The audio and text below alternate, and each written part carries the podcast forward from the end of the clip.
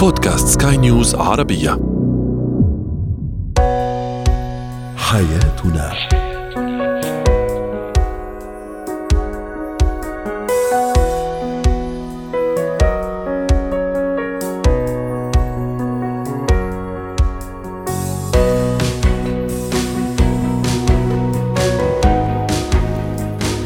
مستمعينا الكرام أهلا بكم معنا إلى حياتنا فضاؤكم اليومي الذي يعنى بشؤون الأسرة وباقي الشؤون الحياتية الأخرى والذي يمكنكم الاستماع إليه عبر منصة سكاي نيوز عربيه dot com slash podcast وباقي منصات سكاي نيوز العربية الأخرى. شاركونا عبر رقم الواتساب 00971 561 ثمانية ستة اثنان اثنان ثلاثة. معي أنا أمال شاب. اليوم نتحدث عن خطورة إهمال مشاعر الشريك. في زينة الحياة كيف ندرب الطفل على الاستحمام بنفسه وما هو العمر المثالي لذلك؟ وأخيرا كيف نطور مهارة النقد؟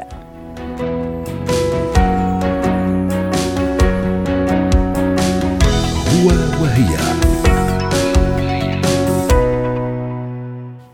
العلاقة الزوجية تقوى بالحب بالاهتمام وبتوثيق أواصر الاهتمام والحوار والاحتواء أيضا.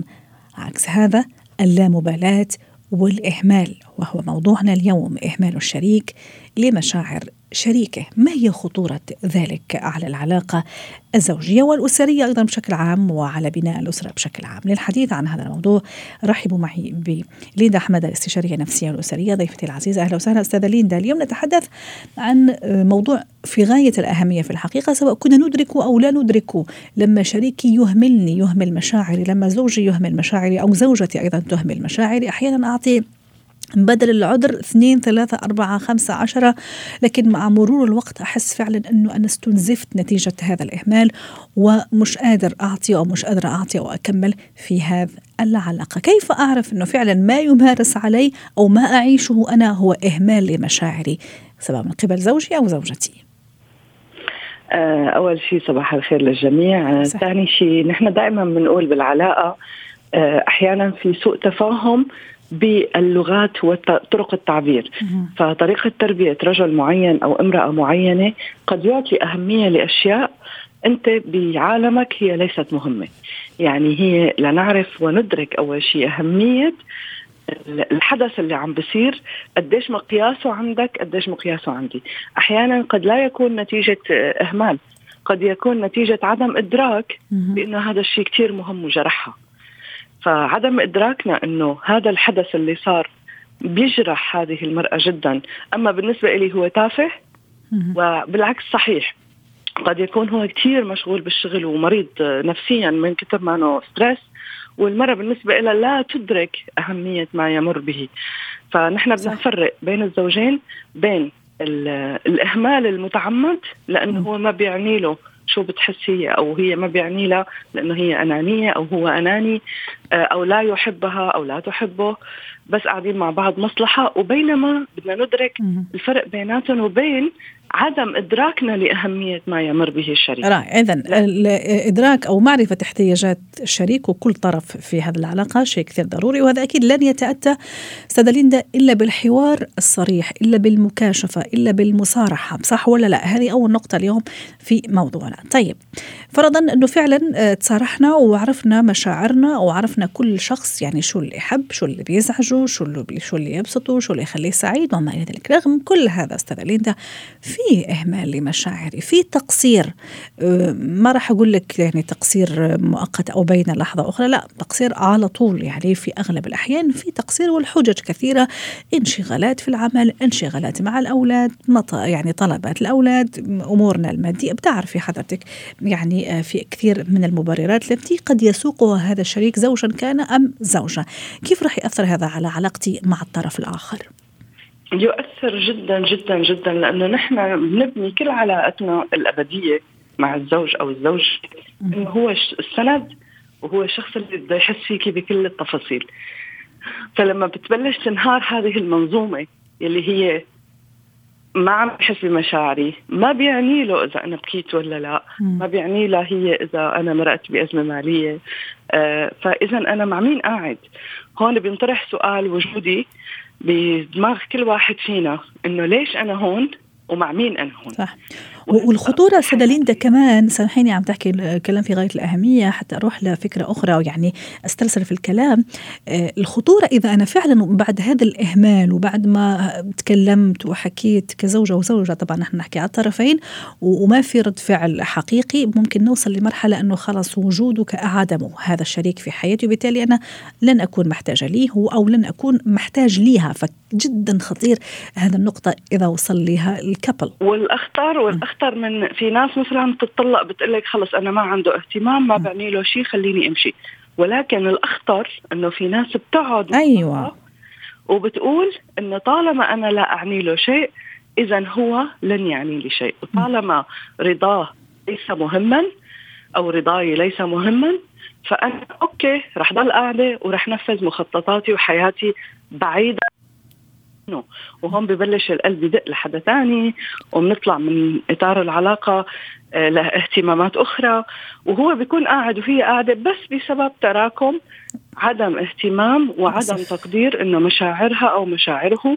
مهمة. للأسف نعم وهذا أكيد رح ينعكس على آه، موفقة العلاقة. علاقة أنك أنت تكون مهتم بالشريك. تبعك. يعني م. أنت سنده وهو سندك فبتفتقد هي الحجرة المهمة وببلشوا هن بيعيشوا مع بعض وهن عندهم مكايد جوات بعض. طالما أنا لا أهمك ولا أعني لك إذا رح أعيش حياتي معك شكليا ولكن قلبي وعقلي واهتماماتي باخذها من مكان آخر. للأسف وأكيد يعني آه، أثار مدمرة على المؤسسة الزوجية على الأطفال على, على الأولاد تماما على المجتمع أستاذة ليندا. المعنى والمغزى الأساسي من الزواج سيدمر سيدمر فعليا. طيب كيف؟ هون نحن بنشوف كثير هاي القصص اللي بتصير إنه ليش هي راحت أو هو راح؟ لأنه هو بيكون بالبيت فعلا. خلص ما عم تعني له شيء. متى ما راح المعنى راحت اسس العلاقة. يجب أن يعني لي شيئا أو أعني له شيئا. يعني هي طيب. أساس. طيب استاذه ليندا حتى نختم اليوم معك هذا هذا اللقاء. إذا فعلا عندي هذا النوع من من الأزواج أو الزوجات يعني مرتبطة بزوجة فعلا مهملة لمشاعري حاولت مرة مرتين ثلاثة. تعمل مجهود أول أسبوع ثاني أسبوع ثم نرجع نفس يعني نفس الموال إذا صح التعبير أو زوج نفس الشيء عنده اهتمامات عنده أشياء. إيه بيهتم فيها لكن مش بالطريقة اللي أنا يعني محتاجتها بين قوسين.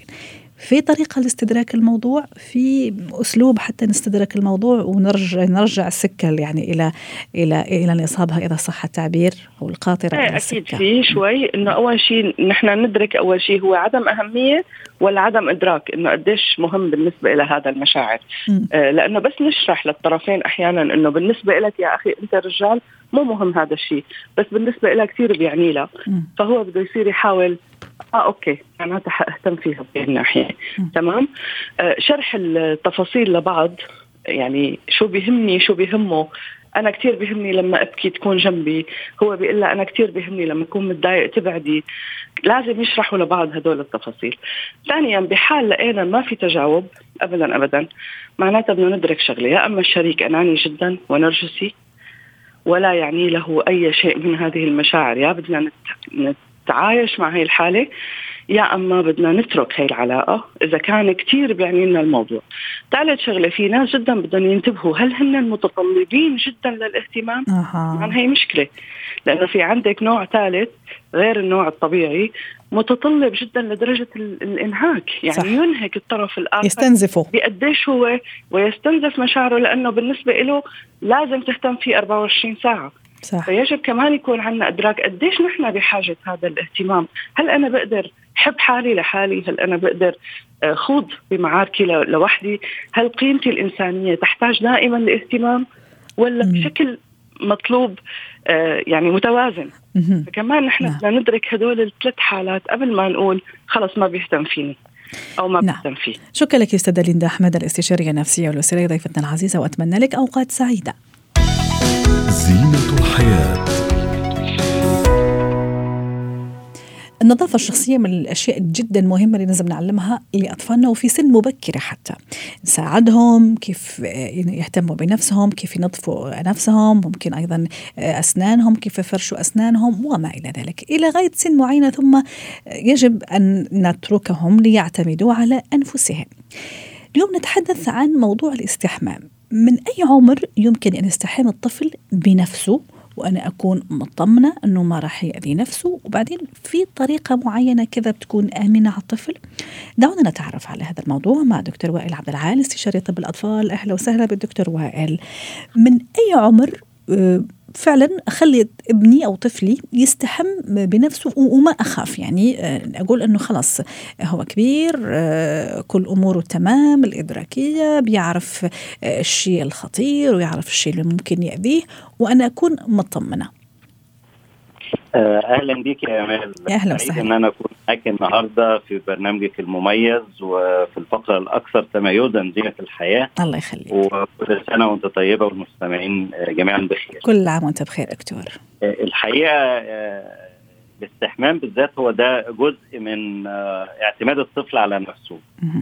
فقبل ما نتكلم على موضوع الاستحمام خصوصا لازم نعرف إن في في برنامج متكامل لتدريب الطفل على الاعتماد على نفسه من الصغر. رائع. الحقيقة لو قارنا اعتماد الطفل على نفسه في الجيل الحالي مع الأجيال السابقة هنلاقي إن الجيل بتاع الأطفال دلوقتي ده جيل آه مظلوم أكثر بالرغم من وجود التكنولوجيا الطفره التكنولوجيا اللي موجودة حاليا إنما في عوامل كثيره بتخلي الطفل أقل اعتمادا على نفسه في كل حاجة من ضمنها الاستحمام. آه العوامل دي لو حبينا نقول أشهر حاجات منهم آه أول واحدة فيهم هي آه انتشار ظاهرة وجود مربية. وجود مربية في البيت وساعات نلاقي أكتر من مربية أكتر من طفل كل واحد فيهم ليه مربية خاصة بيه. المربية بتحاول تظهر دايما ان تفانيها في العمل واهتمامها بالطفل بتعمل للطفل حاجات المفروض إن هو اتعلمها من فترة طويلة. في نفس الوقت لما الطفل يلاقي إن المربية بتعمل له الحاجات دي فبيبدأ يعتمد عليها وما وما ياخدش الخبرات الخاصة بتنفيذ الحاجة في العمر المحدد ليها. الحاجة الثانية هي الاهتمام ببعض المواليد وإعطائهم بعض المسميات زي مثلا لو تلاحظ إن إحنا عندنا في أول طفل في العيلة اللي بيسموه الطفل البكري ده بيبقى فيه تهافت من أفراد العيلة كلها على حمل الطفل من الأب والأم والأجداد. فالطفل بيتاخر كتير في إنه يبدأ يعمل الحاجات بتاعته في العمر بتاعه. طيب. آخر حاجة هي اهتمام الأم نفسها بمراحل النمو البدني للطفل. يعني دايما الأمهات لما تيجي تسألنا في العيادة بتبقى مهتمه جدا إن هو وزنه زاد كام جرام طوله زاد كام سنتي آه بدأ يقلب بدأ يمشي بدأ يطلع له أسنان.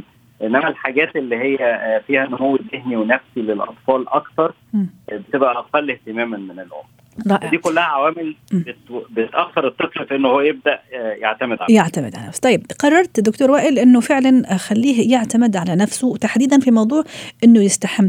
أكيد في هاجس وخوف كبير من حوادث الغرق خاصه في البانيو إذا كان طفل صغير.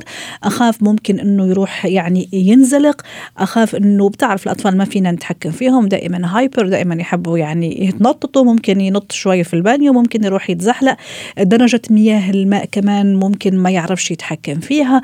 بديك يعني نتوقف مع بعض خطوة بخطوة كيف حتى يكون حمام ابني آمن ولما أتركه بمفرده في سن معينة راح أكون أنا مطمنة طبعا بعد ما يعني يخضع لتدريب مكثف بين قوسين ثم راح أخليه يعني يتحمل مسؤوليته بنفسه. نحكي من ناحية خلينا نقول طبية أو صحية. خلينا نقول صحية. تمام. آه فلازم نبدأ من بدري شوية. إحنا في السنتين الأوائل من العمر بيفضل الطفل معتمد على الأم في كل حاجة. آه نبدا بعد عمر سنتين آه بنبدأ نعمل له البرنامج ده بالتدريج. بالنسبة للاستحمام خصوصا في ثلاث أعمار الطفل بنبدأ نعوده فيهم على ثلاث مراحل للاستحمام أو النظافة الشخصية. أول مرحلة فيها هي من عمر سنتين لثلاث سنوات. هي إن إحنا بنبدأ نفصم الطفل من الحفاض وندربه على عمل الحمام. ودي بتبقى أول خطوة لأنه خلاص ما بيلبسش نعم. حفاض فممكن ينزل. وفي المرحلة دي بيبقى الطفل معتمد على الأم تماما في الاستحمام. بيفضل من عمر تقريبا سنتين لغاية عمر خمس سنوات معتمد على الأم تماما. مش ممكن طيب. الأم تسيب له أي أي حاجة من المستلزمات ومش ممكن تسيبه بمفرده في في في الحمام. لا خالص. طيب. طيب بعد هذا السن دكتور وائل خلينا نقول مثلا ثمان سنوات تسع سنوات ممكن نقدر نعتمد عليه صح؟ إحنا عندنا عندنا عمرين كمان هم اللي فيهم النقاط الحيوية شوية. عمر الخمس سنوات أه. وده بنبدأ ممكن نسيب الطفل آه، في الحمام لوحده بس بشرط إن إحنا نظبط له آه، المية الدافئة أيوة. مع المية البارده لأن هو ما بيبقاش عنده السيطرة على إنه يعمل التناسق بين الميه الباردة والحاره وبالتالي ممكن يزود شوية في الحاره فيحرق نفسه أيوة. يزود شوية في الباردة فتبقى باردة عليه وأكيد منسوب الماء في البانيو يكون جدا منخفض حتى ما يتعرض لحوادث غرق هذه كثير مهمة لازم أيوة. لازم يبقى نص منسوب المية نص الطول بتاعه. تمام ممكن نسيبه كمان مع شوية ألعابه آه، اللي ممكن يتسلى فيها بس أكيد عيننا دائما عليه رايحين جايين حتى آه، نكون مطمنين. طيب بعد هذا السن دكتور وائل يعني نحاول نختصر في نقاط آه شو, شو لازم أحط بالاعتبار عمره؟ 8 9 سنوات وخلص أنا قررت أنه أخليه يعني يستحم بنفسه. مظبوط أنت جبت بالظبط نفس العمر اللي هو بتاع الخطوة اللي بعد كده يعني إيه؟ لأن عنده عمر تسع سنوات بالظبط بيسمح للطفل ان هو يشغل كل الاجهزه الكهربائيه في البيت. طبعا مع التحفظ شوية يعني إحنا مثلا ما بنخلوش يشغل الكاتل عشان ميه سخنه آه، البوتاجاز عشان آه، آه، في نار إنما ممكن يشغل سخان لأن كل الفيش بتاعت الكهرباء دلوقتي فيها الأمان إن هو يدوس على الزرار يقفل ويحط الفيشة وبعدين بعد كده يشغل الزرار. طيب. بيبدأ عند عمر تسع سنوات إن إحنا ندي الأطفال. طبعا آه، تحت المتابعه. الأول ندي الأطفال الحرية في إنهم يشغلوا الفيش بتاعة الكهرباء ويشغلوا إذا كان محتاج يشغل السخان. في نفس الوقت إن هو بيقدر يعتمد على نفسه تماما في إنه آه، يعمل التناسق أو التوازن بين الميه الباردة والميه الدافية. وثالث حاجة إن طوله بيبقى آه، كافي لأنه عند عمر 8 9 سنين زي ما قلنا. ده بيبقى تقريبا طوله 130 سم الطول ده كافي إن هو يحميه من الغرق فممكن نزود منسوب المية شوية ونسيبه بحريته جوه الحمام هو اللي يزود المية الدافية أو الباردة وهو اللي يشغل الاجهزه ويعمل كل حاجة. نعم. آخر سؤال دكتور وائل. الفقاعات هذه اللي كثير يحبوها الأطفال فقاعات الصابون هل مثلا تشكل خطر عليهم خاصة مثلا أعضاء معينة في, في يعني في أجسامهم ولا لا عادي يعني اخليه بأمان ما في مشكلة؟ لا الحقيقة هي آمنة. معظم الحاجات دي بتبقى آمنة ما فيش أي مشكلة إلا إذا كان الطفل بيتحسس منها.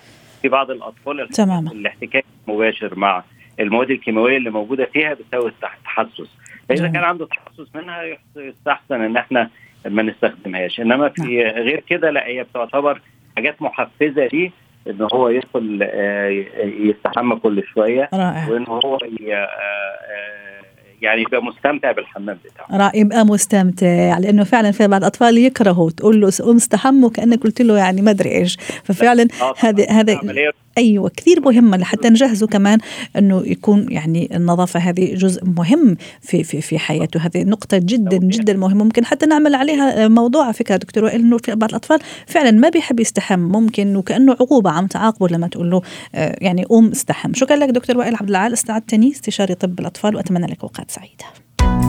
مهارات الحياة. كيف أطور مهارة النقد عندي؟ رحبوا معي بلانا قاعاتي مدربة مهارات حياة. أهلا وسهلا بالأستاذ ألنا. أول شيء شو يعني نقد؟ وكيف أطور هذه المهارة؟ أهلا وسهلا فيكم جميعا. وحبيت البداية شو هو النقد لأنه أنا كنت كثير حابة نبدأ ونقول إنه هو مختلف جدا عن النصيحة. جميل. دائما ممكن يكون في عنا خلط. فالنقد بده يكون هدفه آه، إنه يكون في عنا تطوير للمشروع تطوير للسلوك تطوير للإنتاجية. فدائما التركيز بعيد عن الشخص ما فيه أي تحيزات. أه. بده يكون مبني على آه، شوية معلومات على دراسات. يكون في عنا مثلا يعني إنتاجية عنا أرقام آه، عنا أمور درسناها أو معلومات جمعناها وعلى اساسها كونا نحن الفكرة اللي نقدم فيها النقد البناء للشخص أو للمجموعة. فما حيكون فيها أي أمور شخصية أي تحيزات منا مبنية على مجرد مشاعر أو آراء أو أنا هيك بحس أو أنا هيك بفكر. لا لازم تكون مبنية على داتا أرقام أمور أساسية وواضحة جدا حتى تساعد الآخر فعلا إنه هو يستفيد. رائع استاذة لانا كيف أكتسب هذا المهارة؟ يعني هل اكتسابها يعني سهل؟ لأنه فعلا في أشخاص عندهم فعلا هذا المهارة مهارة النقد والتفكير النقدي كمان لما يفكر بطريقة فعلا رائعة وجميلة وحتى عنده هدف وعنده آه، كذا آه، تسلسلية إذا بدك في طريقة تفكيره النقدي. لا نحن بالبداية قبل ما نوصل لنقطة النقد بدنا نكون مستمعين ماهرين. صح. فمهارة الاستماع هي جدا آه، مهمة ومن الأساسيات أنه نحن نستمع دقة الملاحظة لأنه بتكون أحيانا أمور بسيطة آه، غير ظاهرية فبدها تكون عندنا دقة ملاحظة قوية لحتى نعرف وين هي النقاط اللي بتحتاج أكثر تطوير. آه، بدنا تكون عندنا الكوميونيكيشن المهارات التواصل تكون فعالة.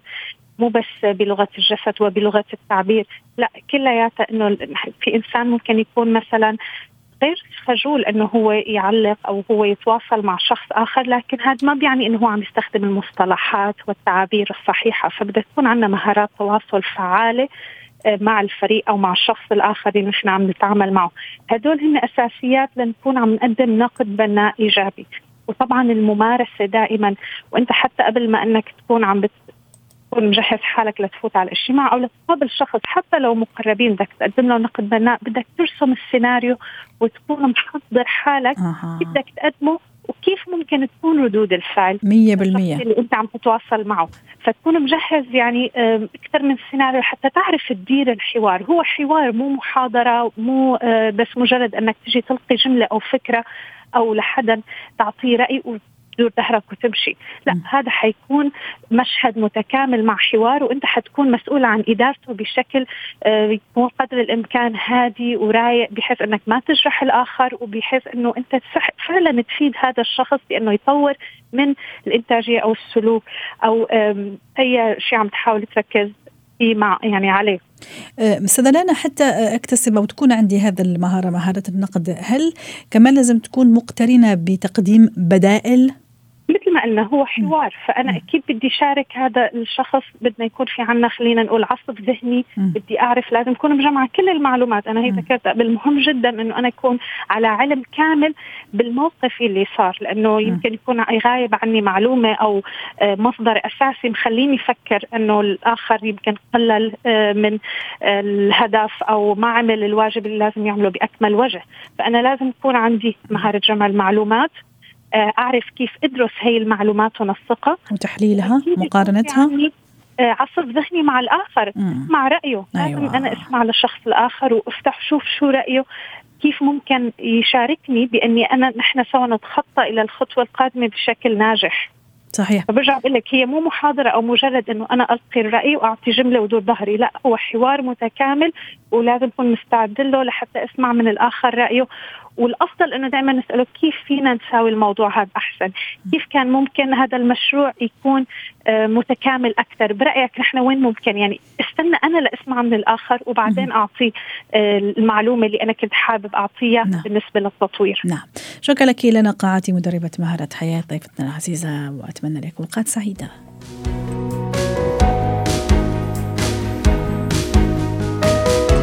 ختام حلقة اليوم من حياتنا. شكرا لكم وإلى اللقاء.